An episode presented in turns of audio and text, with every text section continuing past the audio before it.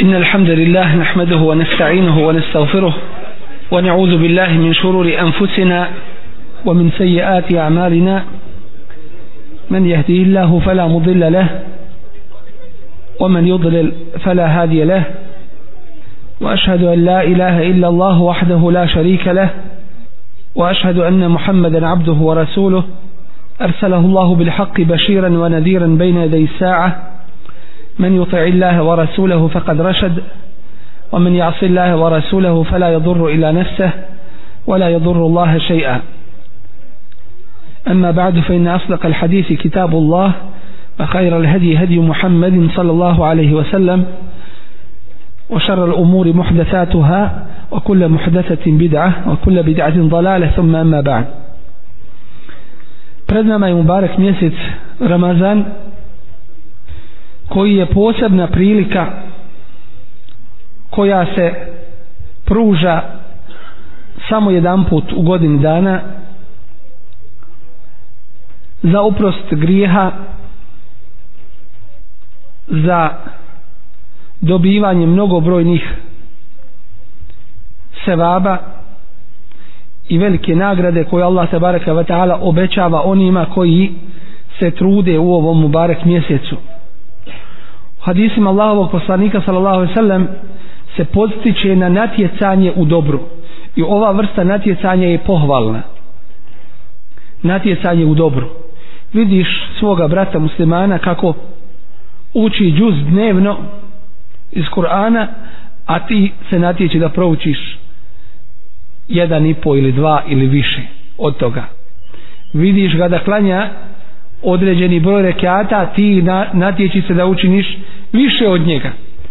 vidiš ga da daje u ime Allaha tabaraka wa ta'ala i udjeljuje ti gledaj da više od toga učiniš vidiš da neko čini mnogobrojne vrste dobročinstva ti pogledaj više da učiniš jer Allah poslanik sallallahu sallam ukazuje nam na veliku vrijednost dobročinstava uz Ramazan na fila koju čovjek uz Ramazan uradi računa se kao farz koji uradi mimo Ramazana a farz je ono čime se najbolje može čovjek Allahu te barekava ta'ala približiti a kada farz učini u Ramazanu onda mu se računa kao da je 70 farzova farzova uradio mimo Ramazana kako to Allah poslanik sallallahu alaihi wasallam objašnjava isto tako je velika vrijednost učenja Kur'ana uz Ramazan namaza davanja zekata i mnogobrojnih drugih ibadeta kao prvo što bi trebalo naglasiti jeste da je Ramazan mjesec posta i post je jedan od najodabranijih ibadeta kod Allaha tabaraka wa ta'ala zato što sa sobom nosi ono temeljno svojstvo koje je garancija primanja dobrih dijela kod Allaha tabaraka wa ta'ala a to je ihlas da je dijelo učinjeno u ime Allaha tabaraka wa ta'ala jer se čovjek postom ne može i da hoće ne može prikazivati ne može prekazivati ljudima. Jer to je tajna između tebe i Allaha te barake ta. Niko te ne vidi kad se osamiš šta ćeš uraditi osim Allah uzvišeni, pa se ti tu ispituješ i tu jednostavno se pokazuje snaga tvoga imana. Uz to napominjem da u postu Ramazana mora i treba da bude jedan vrlo važan uslov, a to je el mutaba. A šta je el mutaba? to je itiba slijedjenje Allahovog poslanika sallallahu alejhi ve u postu ne smije naš post ni pošto biti sveden na to da ne jedemo, da ne pijemo, da se ne prilaže zi ženama i tako dalje. Već to i ono što obuhvata post u osnovi, a to je čuvanje od griha i griješenja jer smo rekli da čovjek koji ima Allaha u toku dana, u toku vremena posta uz Ramazan, ostavlja ono što mu je uobičajeno dozvoljeno jest i piti i tako dalje. Čak ono što mu je nužno za njegov život, hrana i piće, ostavlja u ime Allaha. Pa kad to radi u ime Allaha, kako će onda raditi ono što je uobičajeno haram da se čini? Znači onda je, da je preče da u postu Ramazana da se da se ostave svi ostali grijesi i zato onaj ko isposti Ramazan kako treba obećava mu se nagrada da mu se brišu prošli grijesi koje je učinio izlazi iz Ramazana kao od majke rođen čist od grija svojih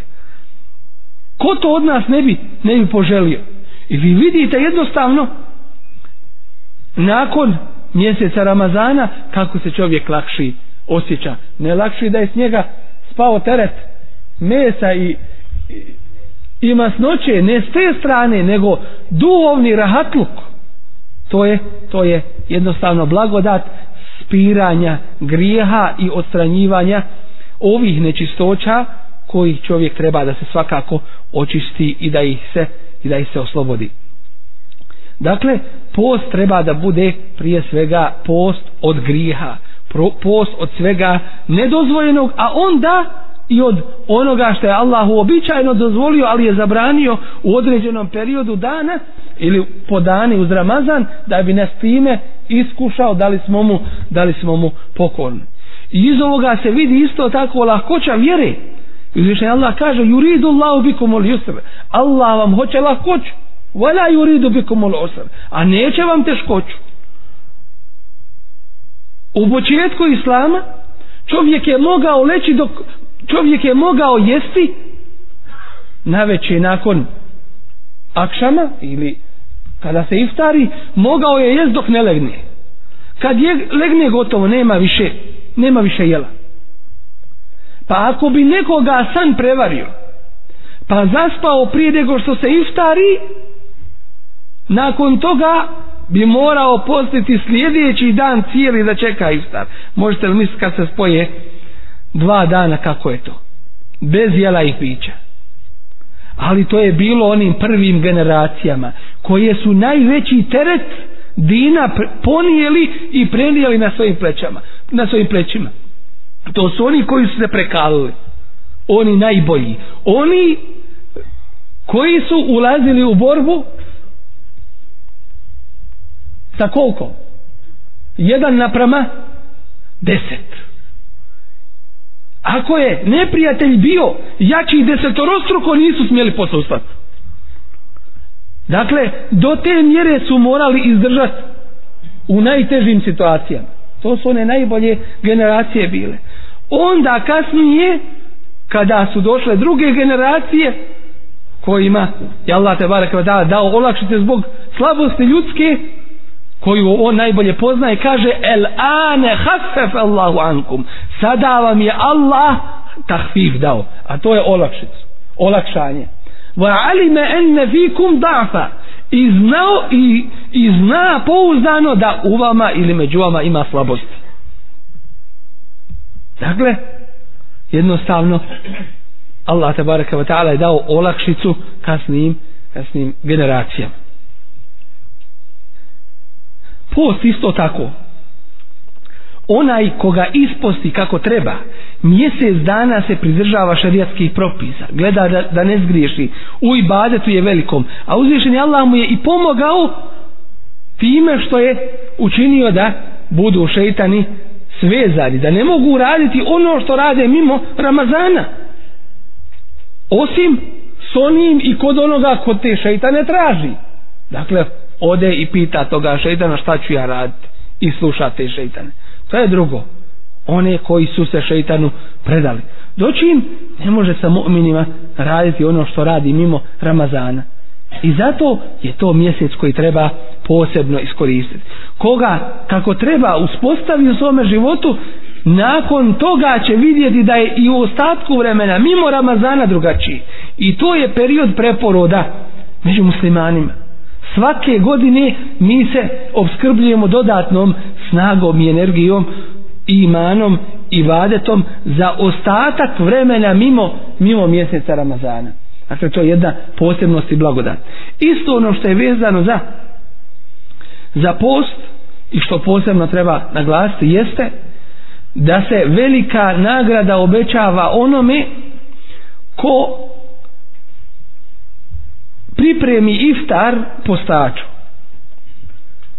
dakle ko postaču iftar ponudi i prikući to ne mora biti nešto i posebno neka posebno spremljena izgotovljena jela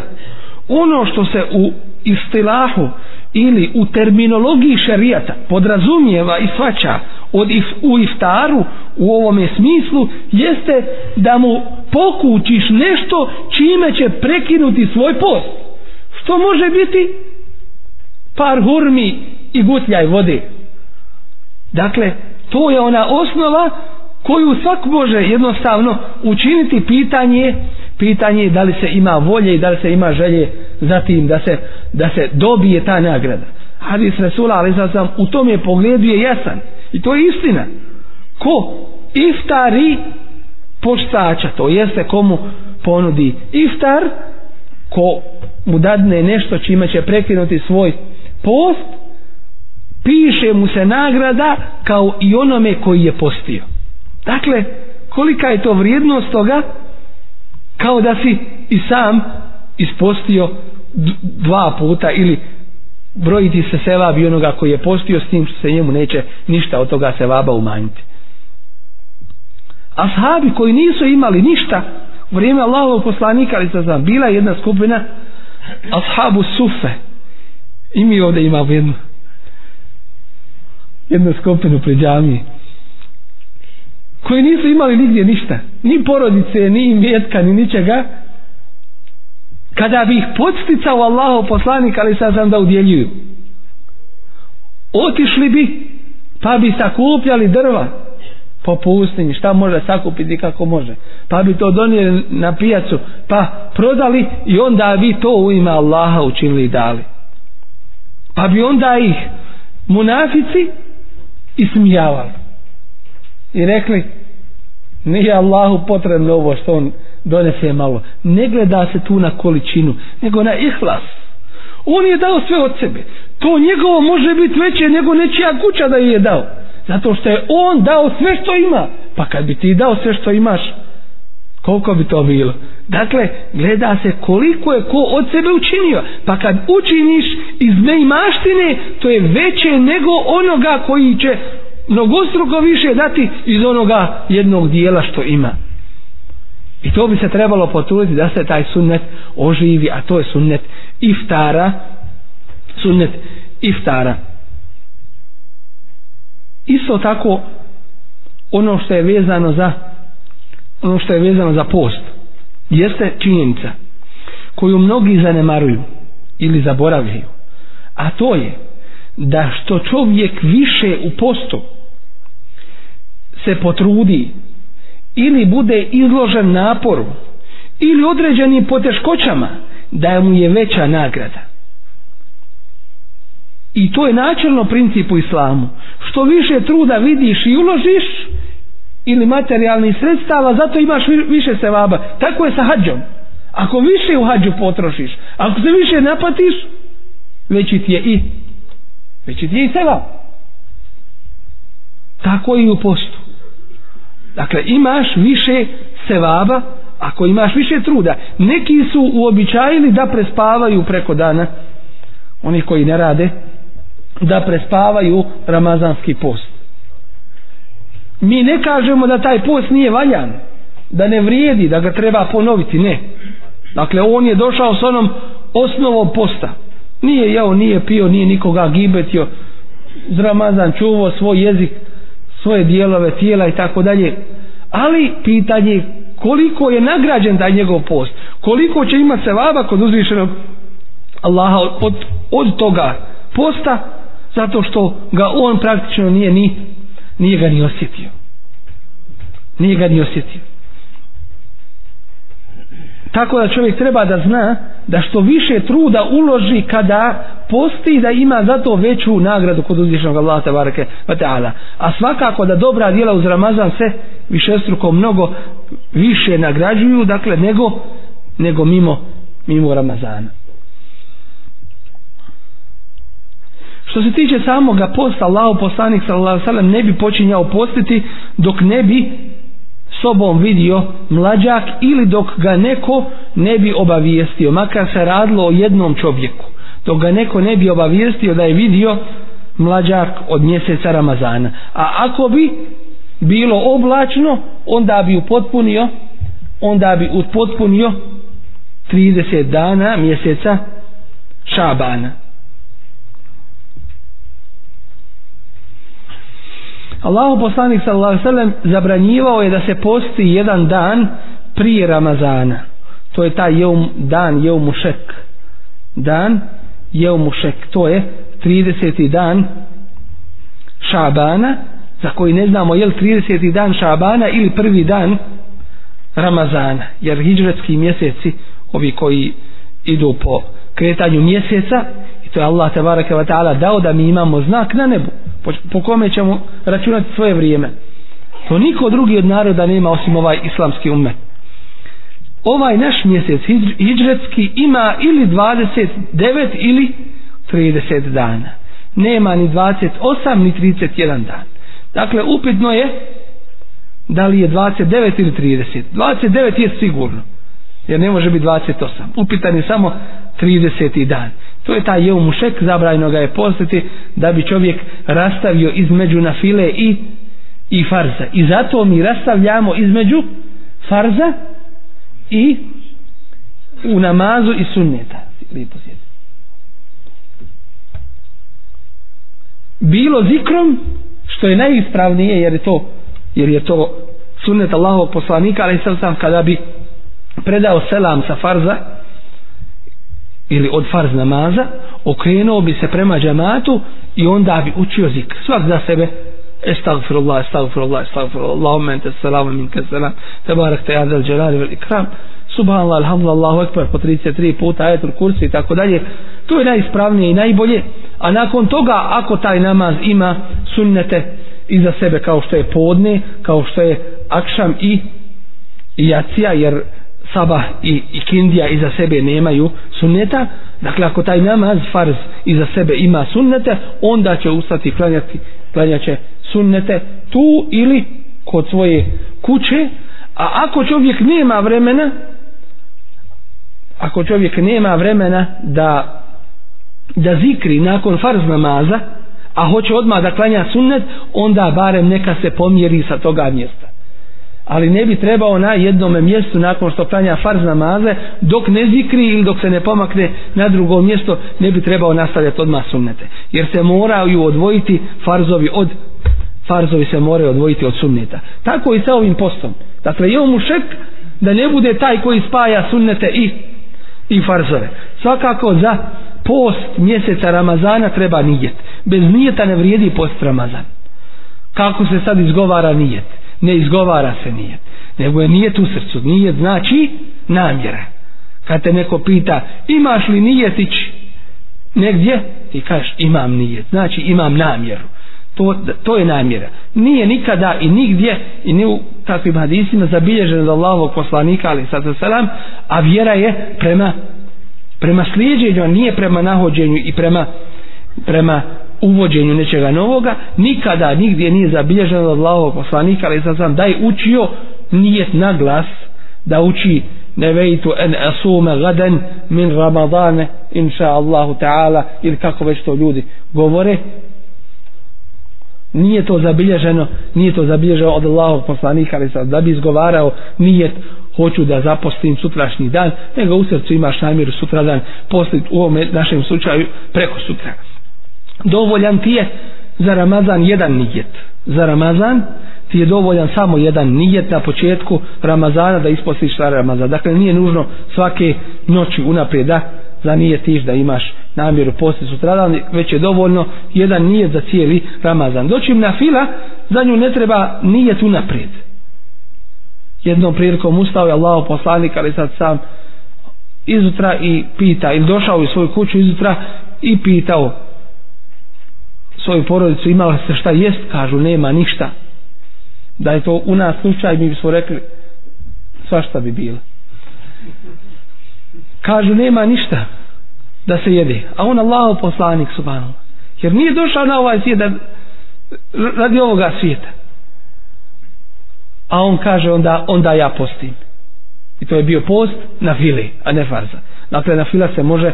na fila se može postiti da se zanije ti ili da se ima namjera u toku dana pod uslovom da nisi prije toga jeo ili nešto učinio čime se kvari post. Što se tiče početka posta u toku Ramazana ajet kaže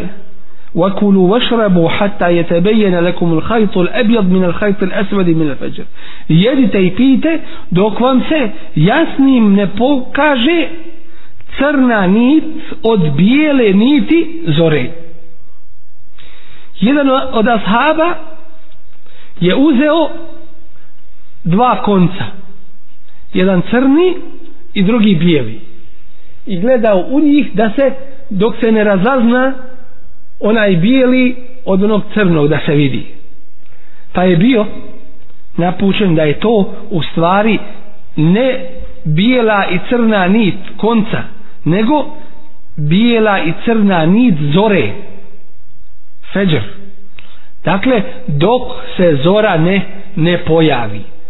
tada se počinje dakle tada se počinje sa postom imaju dvije zore lažna i i istinita zora lažna zora je to znaju ovi stariji koji su pratili tu zoru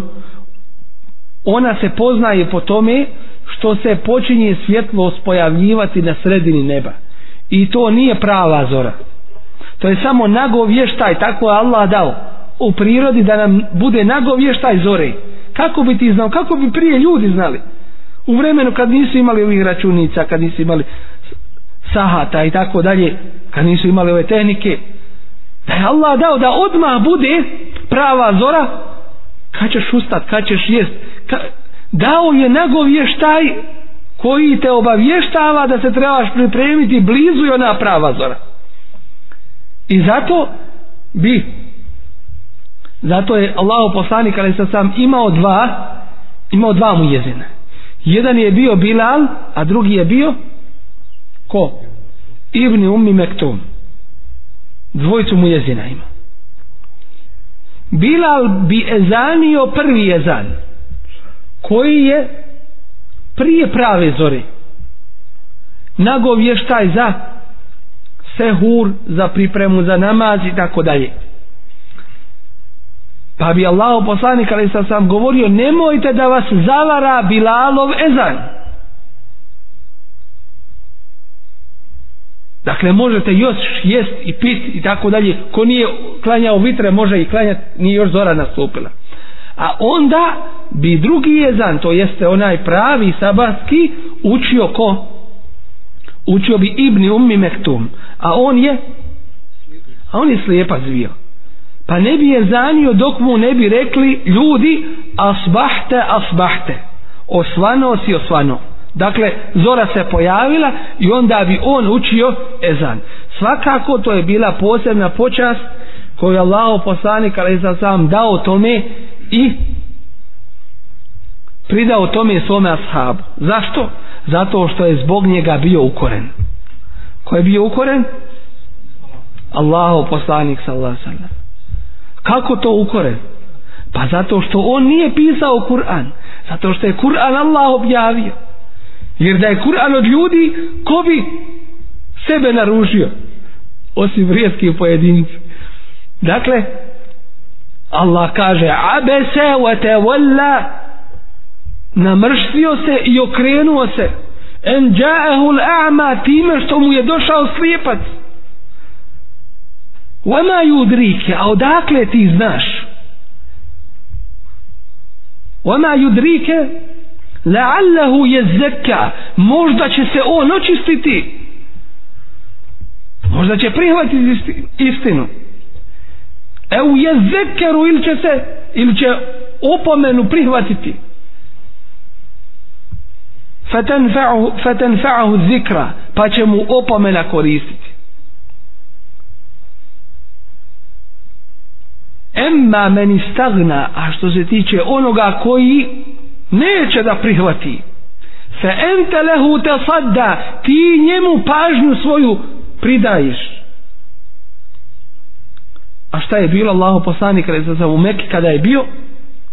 govorio je jednoj skupini prvaka Kureša reklo bi se predstavnicima tadašnjih vlasti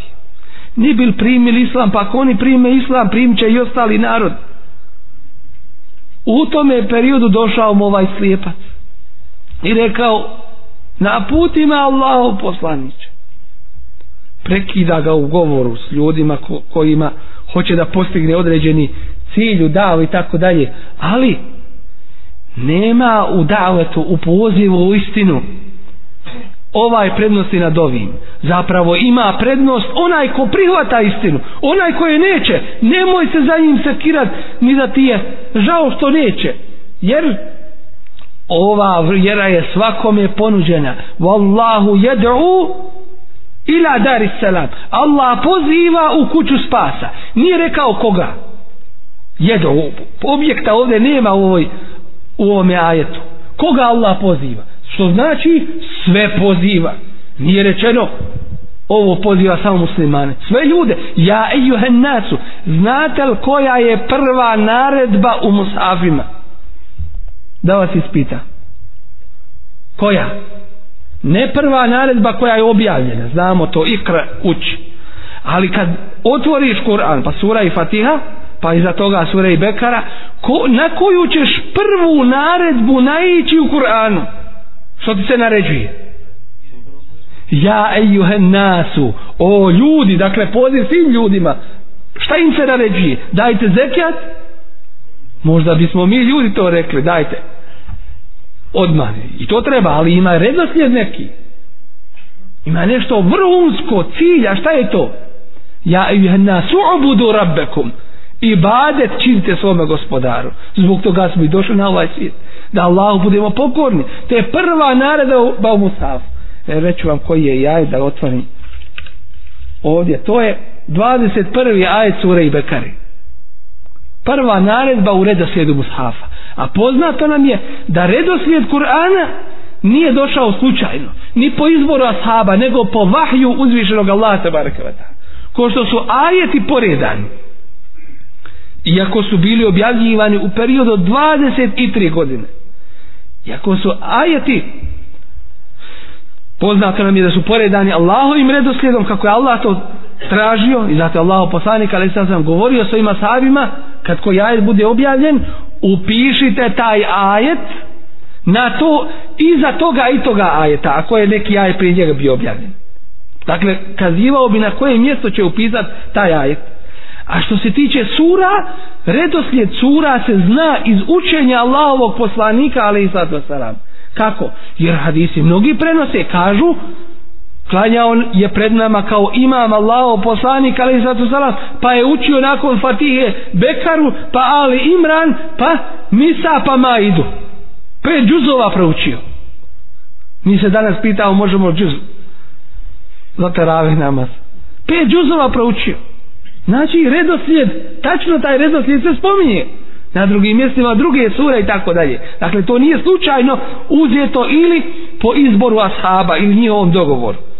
već je od Allaha te bareke ve taala dato i to ima posebno svoje mjesto i ulogu kod tefsira Kur'ana. Zašto je ova sura došla prije ove, a poslije, poslije ove? To se zove tartivu Esur, redoslijed cura u Kur'anu. I to ima svoje značenje zašto je to došla, a o tom inša Allah drugom prilikom. Dakle, ovaj ashab bi ezanio Ibni Ummi Mektum kada bi bila prava zora. Što znači da se može jesti dokada? Do, do zori. Može se jesti do zori. Neki ljudi uzimaju navodno za svaki slučaj A u islamu nema slučaja, kamoli svakog slučaja. Dakle, uzimaju za svaki slučaj da prije zaposte, a kasnije da se iftare. Jel razumijete ovo? Razumijete, ima tako ljudi. Je li treba ili ne treba? Je li ispravno ili neispravno? Ako ne znamo, pitaćemo onoga ko zna. Ako zna. Fes'elu ahle zikri in kuntum la ta'lamun. Pitajte one koji znaju ako vi ne znate. Wa fawqa kulli zi ilmin alim. Iznad svakog učenog ima ima učeni.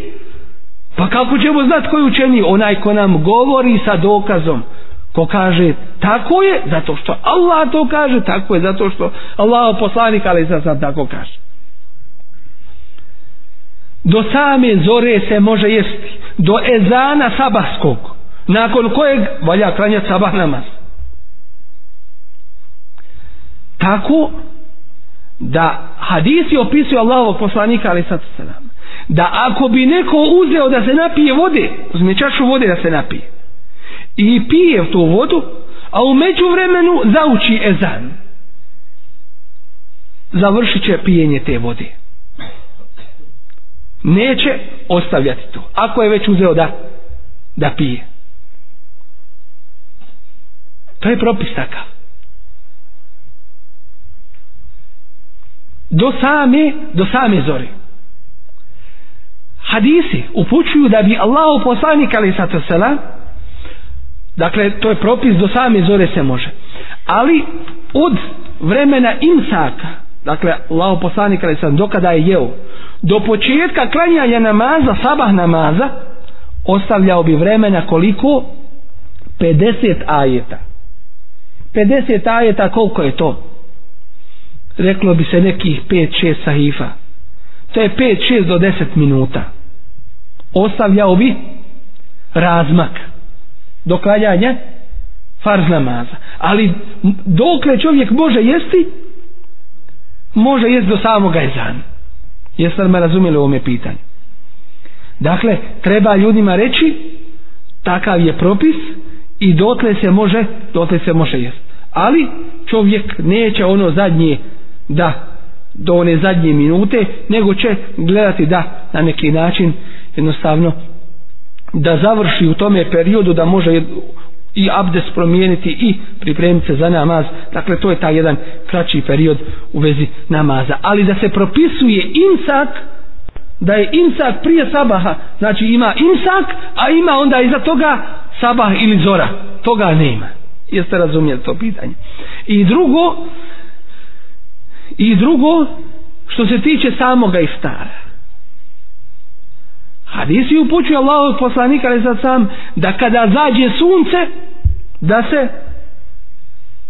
da se iftari.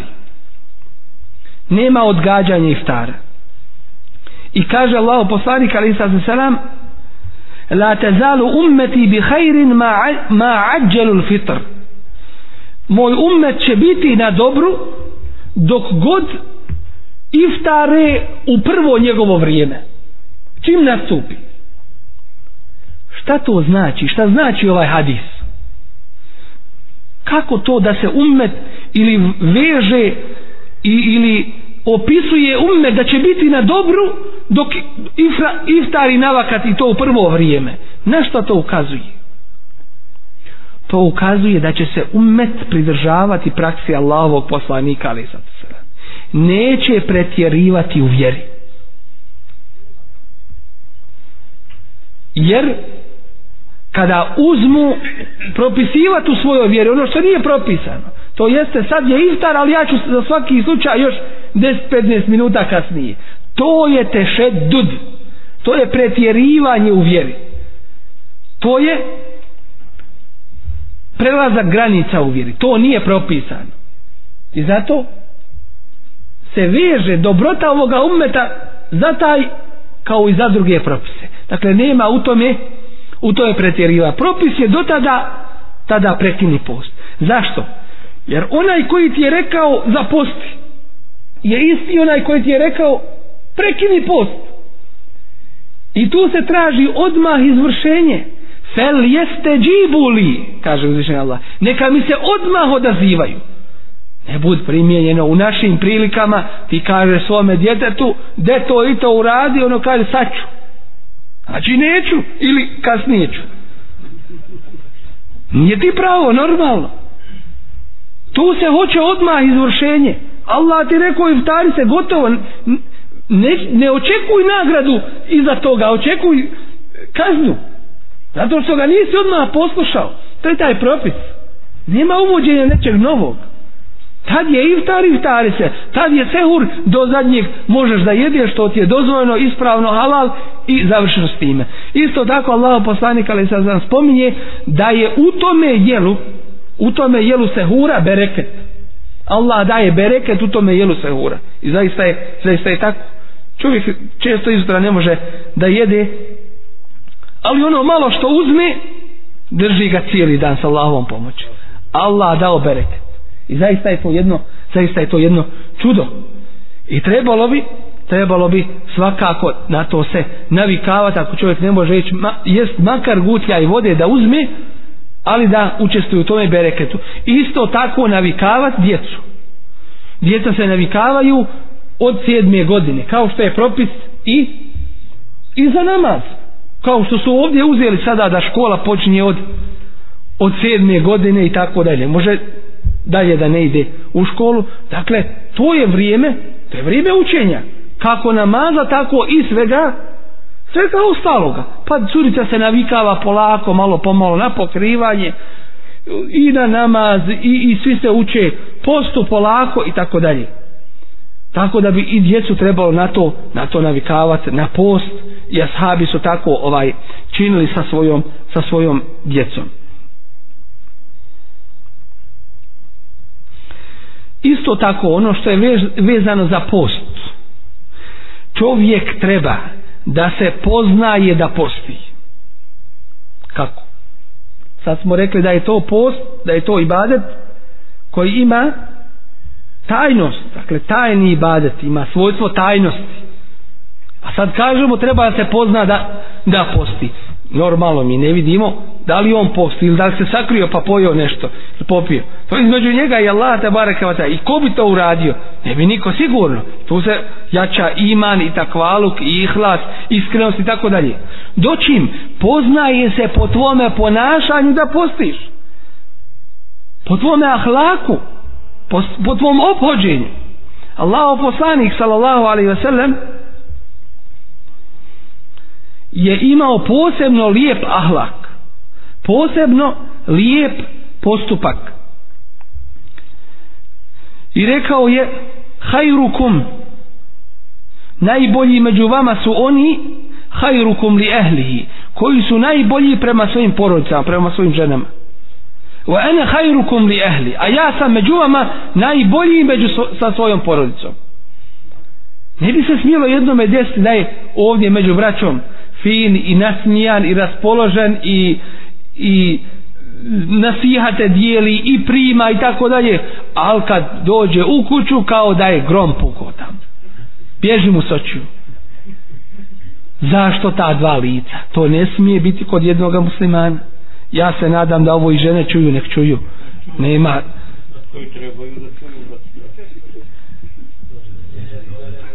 nema ništa sakriveno dakle imao je lijepo ponašanje imao je lijepo ponašanje sa svojom sa svojom porodicom svakako žena opet ne bi smjela i trebala dozvoliti da čovjeka navede na to da on povisi glas prema njoj i, ili, ili da se rasrdi prvo on pa onda na nju i tako dalje dakle ona bi trebala da bude jednostavno ta koja će unositi atmosferu raspoloženja u, u svoju kuću Allahu poslanik sallallahu alejhi ve je bio najljepšeg ahlaka a njegov ahlak je bio Kur'an dakle u svome životu praktičnom sprovodio je Allahov govor Kur'an Kerim kako to opisuje Aisha radijallahu anha umul mu'minin isto tako je naredio svome ummetu da budu lijepog i najljepšeg ahlaka a posebno kada poste a posebno kada poste poznata mi je hadis Allahu poslanika ali sad sam gdje kaže men lem jeda qawla zuri wal amala bi ko neće ostaviti griješan govor i rad po tome felejsa lillahi hađetu min en jeda ta'amahu wa šarabe fi en jeda ta'amahu wa šarabe Allahu nema potrebe da on ostavlja svoje jelo i piće Dakle, ako se njegov post neće u njegovim dijelima pokazati, u njegovim riječima, u njegovom ponašanju, u drugom rivajtu, u al ako ne ostavi džehl, svaku vrstu džehla i, i, i nevaljaštine, onda nema koristi od njegovoga toga posta što ostavlja, što ostavlja hranu i piće. Dakle, treba se na njegovom ponašanju ponašanju pokaže Allah poslanik ali za sam pored toga što je bio najljepšeg ahlaka on je uz Ramazan još bolje i ljepše se obhodio sa svojom porodicom. Neki ljudi danas zaista se kod njih vidi i na njima se vidi da, kako oni kažu, poste. Ali u suprotnom znači. Kad posti, bježi mu sočiju. Zasitnici će se naljutit, planot, dić glas i tako da jednostavno posti, nemoj s njim puno imat posla to nije ahlak i to nije ponašanje Allahovog poslanika sallallahu sallam i tako ne bi jedan musliman smio i trebao da se, da se ponaša na koga ti je krivo ne jedeš, ne piš, što ti Allah propisao je ti krivo što postiš, što si musliman šta je, o čemu se radi dakle nema razloga da da, da se ljuti i, i da mu ne bude pravo već bi trebao da bude zadovoljan svaki trenutak u postu što mu prođe što posti što ni od onih koji idu po birtijama po kafanama po ne znam gdje da ne spominjem i tako dalje što je na tom je putu posta i badet Allah te barake wa ta'ala Allah poslanik ali sam sam upotrebljavao je mi svak u toku mjeseca Ramazana i čistio svoje zube i održavao svoju higijenu i to je to je isto nama jedna pouka da musliman u svakom pogledu i moralne i tjelesne i svake druge čistoće treba da bude primjerom i uzorom primjerom i uzorom drugima ono što je nepoznato mnogima da je Allahu poslanik sallallahu alejhi ve u devet godina učestvovao u šest bitaka koje su se sve odigrale u mjesecu Ramazanu. Devet godina bile kojima je učestvao u bitkama, u kojima je učestvao Allah poslanik, ali sada se u šest bitaka sve su se odigrale i odvele u mjesecu u mjesecu Ramazanu. i velike i vrlo važne poslove je učinio Allah poslanik ali sam upravo u mjesecu upravo u mjesecu Ramazanu od tih poslova jeste da mjesečit koji su munafici sagradili ne bili na taj način srušili snagu muslimana uvijek oni koji su radili iza leđa muslimanima i protiv interesa islama i muslimana dao je da se taj mesjid sruši Allaho poslanik ali sam sam dao je da se taj mesjid sruši i to je bilo upravo u mjesecu Ramazan zatim srušio je najveći kip koji je bio obožavan od strane Arab zatim je dočekivao mnogobrojne delegacije koje su mu dolazile iz raznih krajeva tadašnjega svijeta i primale islam Zatim se u mjesecu Ramazanu oženio Hafsom, majkom mu'mina. Ona je bila ko? Kćerka Omera ibn al-Khattaba radijallahu anhu. Zatim oslobađanje Mekke je bilo ili oslobođenje Mekke je bilo upravo u u mjesecu Ramazan. Dakle, veliki događaj se upravo odigrali u ovome u ovome Mubarak mjesecu što nam ukazuje na činjenicu da je mjesec Ramazan mjesec truda i napora koje čovjek treba da učini u ime Allaha tabaraka wa ta'ala kako bi dobio njegovo zadovoljstvo i iz toga vidimo primjer u Allahovom i u tome vidimo primjer u Allahovom poslaniku sallallahu alaihi ve sellem dakle to nije mjesec spavanja niti je mjesec prejedanja za, za sehur i za i za, i za iftar da čovjek nadoknadi ono što mu je prošlo u toliko dana i, i da mu oči ne ostanu gladne a one se ne mogu nikad zasjetiti stomak više ne može a oči bi još uzele i onda se jedva i teško klanja teravih namaz to nije to nije ispravno to je samo šeitanska vesvesa kuranski ajet kaže vakulu vašrebu jedite i pite wala tusrifu ali nemojte israf činiti, nemojte pretjerivati u tome.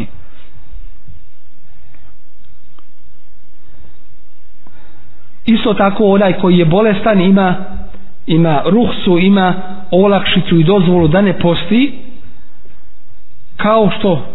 je slučaj sa kao što je slučaj sa bolesnikom kada dakle bolesnik i musafir kada je bolesni bolestan musafir na putu tada ne posti što se tiče samoga bolesnika samoga bolesnika ako mu ovaj post mjesec u Ramazanu neće otežati bolest niti će mu odužiti iscijeljenje i ozdravljenje niti će mu otežati onda nema smednje da takav posti. Ako se radi o nekoj manjoj prolaznoj bolesti, rekli, bi, rekli bismo kihavica ili nešto ovako. Dakle, neće takav reći, ja sam u okviru bolesnika, pa ja neću postiti onda. I ako kažemo i, i, i na takvog se odnosi, dakle da, da mu ne bi bio grijeh ako ako ne bi postio. Ali osnova je da onaj kome neće postiti, pričiniti poteškoću radi hurmeta i smjetosti Ramazana, da takav posti. Doći im ako će mu odužiti bolest, ako će mu pogoršati njegovo stanje, ako će mu poteškoću napraviti, onda mu je grijeh da posti, neka znate. Jer takav odbacuje Allahovu olakšicu koju mu je dao i sebi otežava ondje gdje, gdje ne smije a čovjek će između ostalog biti pitan i za, i za svoje zdravlje. Ista je stvar, isti slučaj sa musafirom, sa putnikom. Ako je to neki lakši put, čovjek se neće zamoriti i uobičajeno ne bi posebno ništa jeo, kratak je dan i tako dalje, bolje je da posti makar bio musafir. Zato što nema teškoće, radi hurmeta i svetosti samog Ramazana. Doći, ako će mu post otežati put,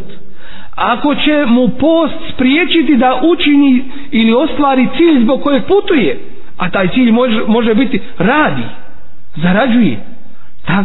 u takvoj je situaciji on je skrbnik porodice nema drugog načina nego mora putovat svakodnevno i tako dalje u periodu kada mu je težak post onda mu se daje olakšica da ne, da ne posti ako bi takva osoba koja je na putu izložila sebe životnoj opasnosti, opasnosti svoga zdravlja, u tom je slučaju bio bi griješan i odgovoran zašto posti kad mu je Allah tabaraka wa ta'ala dao, dao olakšicu. Ovo treba da shvatimo i razumijemo. Musafir, dakle, koji je koji čovjek koji je bio putnik napostiće te dane koje nije postio za Ramazan isto tako i, i bolesnik što se tiče čovjeka starca koji je ušao u godine omatuhio u arapskom se kaže matu znači izašao iz one granice normale nema više svijesti ne havijesti u tome slučaju takva osoba će šta nahraniti za svaki dan ita'amu miskin nahraniti jednoga siromaha u preosječnoj vrijednosti israne jednoga dana pa ako je u ovome području veća da će i veću količinu sredstava utrošiće za hranu dotičnog siromaha doćim ako se radi o ženi koja nosi dakle trudnoj ženi i ženi dojilji kojoj se često i uzastopno ponavlja nošenje i dojenje. U takvome slučaju nema smetnje da takva žena dadne fidju za svaki dan. Bez posta. Jer se radi o jednom posebnom stanju. I to je, to je stav Abdullah, Abdullah ibn Abbas radijallahu anhuma. Imate žena iz godine u godinu rađa ili jer se dešava tako da da doji dijete, ako ga ostavi da ne doji oslabit će u tome periodu kad treba da bude da dobije snagu i tako dalje Allah te baraka ta'ala uzima to u obzir ako se to ponavlja često ako to uzastopno se ponavlja u tome slučaju takva žena će dati fidju da se ne bi nakupilo nekoliko Ramazana pa će biti poteškoća da to sve da to sve ispostavi Allahu poslanik sallallahu alejhi ve sellem bi se trudio u ibadetima uz Ramazan što nije u drugim u drugim vremenima, a posebno u zadnjoj desetini Ramazana. I o tome ćemo inshallah posebno da da inshallah progovorimo. Bio je u Tjekjafu zadnjih deset dana Ramazana i to bi bilo pohvalno da se taj sunnet oživi u jednom većem broju. Onaj ko nije u stanju, svih deset dana i noći da ostane u itikafu ovdje da dođe u džamija inša Allah ako nas Allah te barak ta'ala poživi mi namjeravamo i ove godine ovdje itikaf uspostaviti u ovoj džamiji zadnjih deset dana Ramazana tako da ćemo onu zabranu noćenja ovdje u džamiji ukinuti i skinuti u tome periodu dakle ti deset dana ko može boraviti ovdje i badeti čineći, zikreći i tako dalje, gledat ćemo inša da se takvima olakša, što se tiče i same ishrane, da bude ovdje im pri ruci. A onaj ko nije u mogućnosti, svi tih deset dana, barem jedan dan ili onoliko koliko je u mogućnosti da oživi taj sunnet, da dovede od svoje porodice one koji će ovdje biti i mogu biti u etikafu, dakle jednostavno oživljavanje toga sunneta. Isto tako učenje Kur'ana, Allah poslanik ali iznad sam bi uz Ramazan učio pred, pred Melekom Džibrilom, Kur'an, ono što je bilo objavljeno do tada. A u godini kada je preselio, dva puta je proučio Kur'an. Tako da bi trebalo, trebalo bi se potruditi da se barem jedan put prouči hatma uz Ramazan, dakle svaki dan nastojite po jedan džuz da proučite i još malo naberite unaprijed da vas nešto ne spriječi koji dan pa da vam ostane, dakle posudite se makar jedan put Kur'an cijeli da da proučite, a onaj ko nije još ušao u sufaru, nije u učenje Kur'ana, barem u prijevodu da, da pročita, da vidi o čemu se radi. Lao poslanik s.a.v. je bio uobičajeno darežljiv i davao bi udjeljivao i pomagao drugima, a uz Ramazan bi to činio posebno i potom je se isticao tako da bi trebalo i tu inšalda da iskoristimo priliku vrata hajra se inšalda od sutra na veći od akšam namaza otvaraju lao poslanik sam kaže kad bude prva noć Ramazana a ona je sutra na veći otvaraju se džennetska vrata i ni jedna od njih ne ostanu zatvorene i pozatvaraju se džehennemska i ni jedna ne ostanu otvorena i bivaju uvezivani šeitani i poziva pozivač o ti koji činiš dobro povećaj ga a ti koji činiš zlo umanji ga i Allah ima one koje oslobađa džehennemske vatre one koji su zaslužili da uđu džehennemsku vatru i to svake noći svake noći Allah te bareke ve taala oslobađa jedan broj svojih robova od džehennemske vatre kojima je džehennemska vatra bila propisana i dosuđena oslobađa ih džehennemske vatre pa nastojimo mi od 30 ili 29 dana i noći Ramazana da nas barem jedna noć zahvati da mi budemo od tih upisani koji će biti oslobođeni džehennemske vatre svojim ibadetom i hlasom skruženošću, iskrenošću i baljcima i tako dalje. To je mjesec kako Allah poslanik kada se samo opisuje, mjesec Allahovog blagoslova, mjesec kada se spušta njegov rahmet, kada se brišu grijesi i mjesec kada se dove primaju. Allah te baraka wa ta'ala po hadisu Allahov poslanika kada se sam gleda u naše natjecanje međusobno u ibadetima, pa se time ponosi kod svojih meleka. Pa kaže Allah u poslanika, ali sam, pa pogledajte ili pokažite Allahu te bareke ve taala od sebe khair dobro u tome u tome natjecanju a nesretan je onaj ko ko je nesretan onaj koga prođe Allahova milost u tome mjesecu dakle kome grijesi ne budu oprošteni i ko jednostavno ne iskoristi ovu veliku priliku. Isto tako, postać ima velike dvije radosti. Jedna radost je na ovome svijetu, a druga je ostavljena za ahiret. Jedna je radost prilikom iftara i zaista tu radost ne može se ničim ta radost zamijeniti, radost iftara i tada je dola postaću kabul i posebno pažnju obratite pred iftar nemojte da vas jela zabavi serviranje, nemojte da, da se zabavite oko kašika i, i sahana i tako dalje, nego se zabavite onim što je trajno i vječno. Dovu Allahu te baraka wa ta'ala učinite za sebe, za svoje bližnje, za dalje, za, za ummet, za dunjaluk, za ahiret i tako dalje. Nemojte samo za dunjaluk tražiti. Dakle, to je velika prilika koju treba iskoristiti i to je jedna radost postačeva, a druga radost je kada se susretne sa Allahom te bareke ve ta'ala. Posebna vrata u džennetu imaju kada se zovu rejan i na njih će samo ući postač, a to oni pravi postači. Ne oni koji su gladovali, ne oni koji nisu jeli i, pi, i pili uz Ramazan samo, nego oni koji su ispostili post kako treba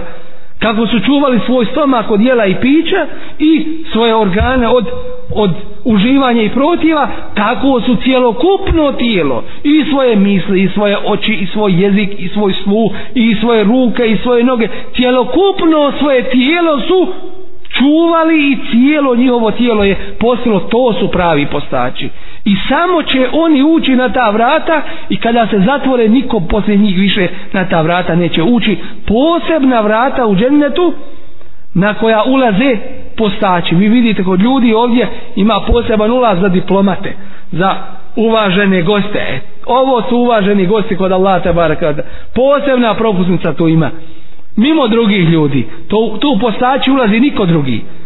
zar svi muslimani ne posti zar može biti musliman da ne posti nije to to nego zaista oni pravi iskreni u potpunosti koji upotpune svoj post molim Allah tabaraka wa ta'ala da nam se smiluje da nam podari svoju blagodat da u potpunosti iskoristimo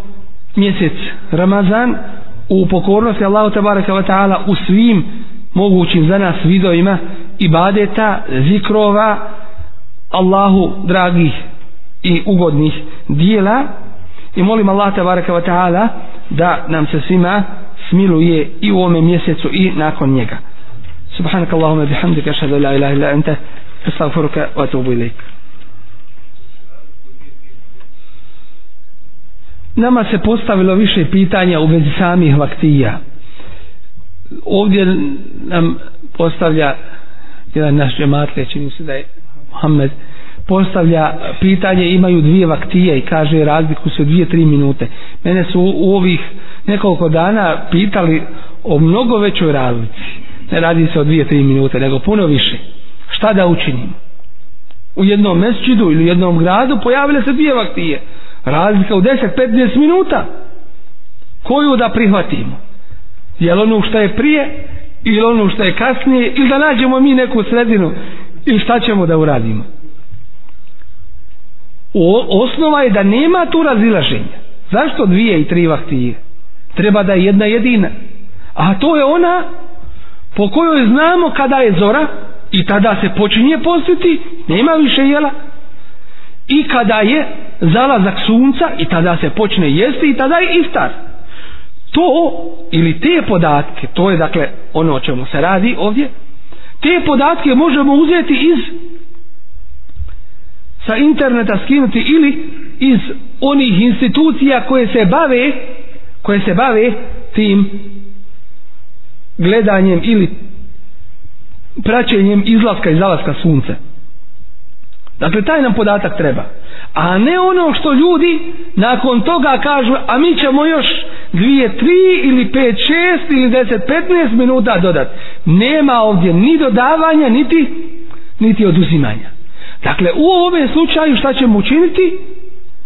Raspitat ćemo se kada sunce zalazi. Čim sunce zađe, tada je iftar kao što hadis Allahovog poslanika ali sazvan kaže o iza edbara hauna eftare saimu a kada ovdje zađe dakle s ove strane zađe sunce onda iftari postać dakle nije rekao pa sačeka još koju minutu za svaki slučaj nema toga u nas dakle pitati raspitati se kod nadležnih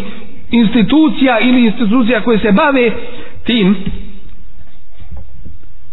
oglašavanjem izlaska i zalaska sunca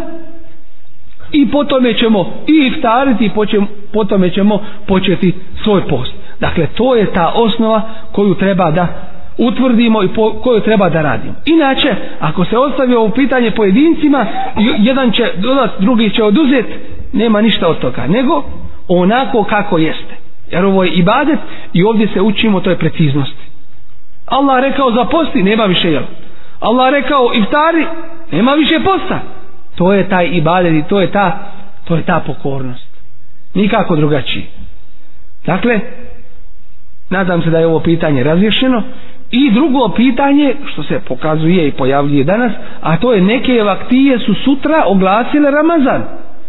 i neki noća stajaju taravih namaz i neki će sutra post mi ćemo javiti svojima da ne poste sutra i onima koji,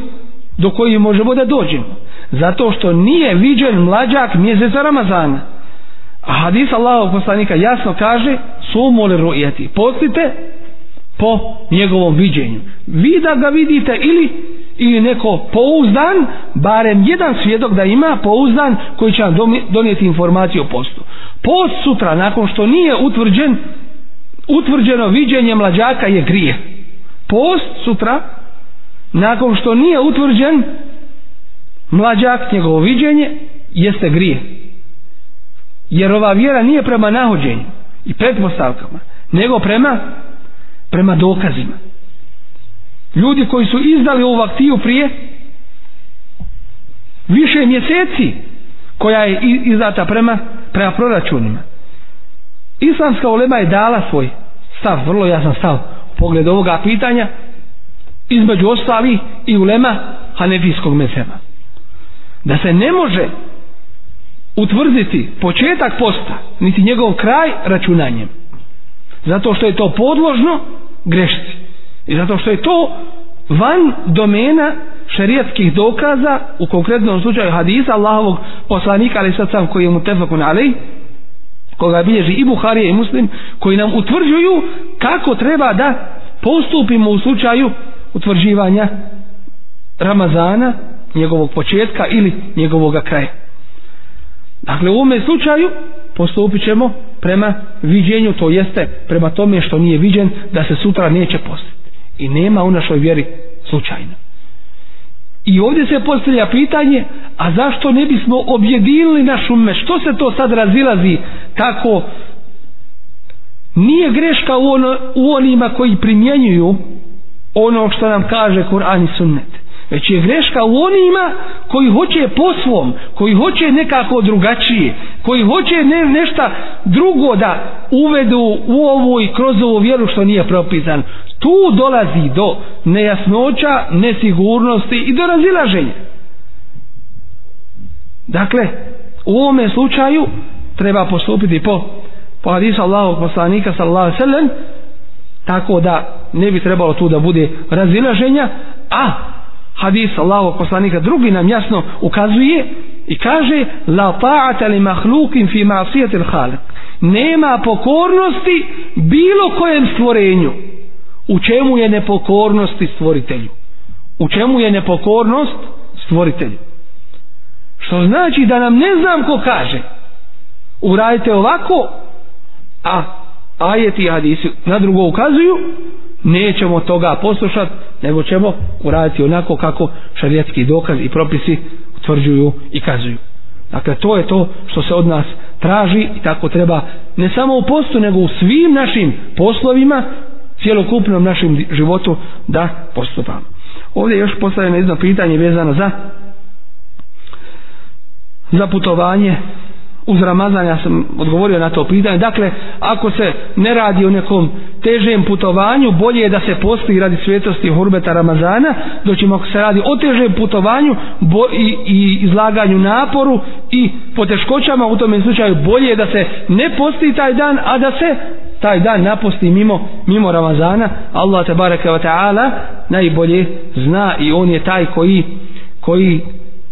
sve nadzire. Molim Allah tabaraka wa ta'ala da nam se smiluje, da nam oprosti grijehe i da nam učini od onih sa kojima je on tabaraka wa ta'ala zadovoljan. Subhanakallahu wa bihamdik, šadu la ilaha ila ente, stavfuru ga i tobu ilik.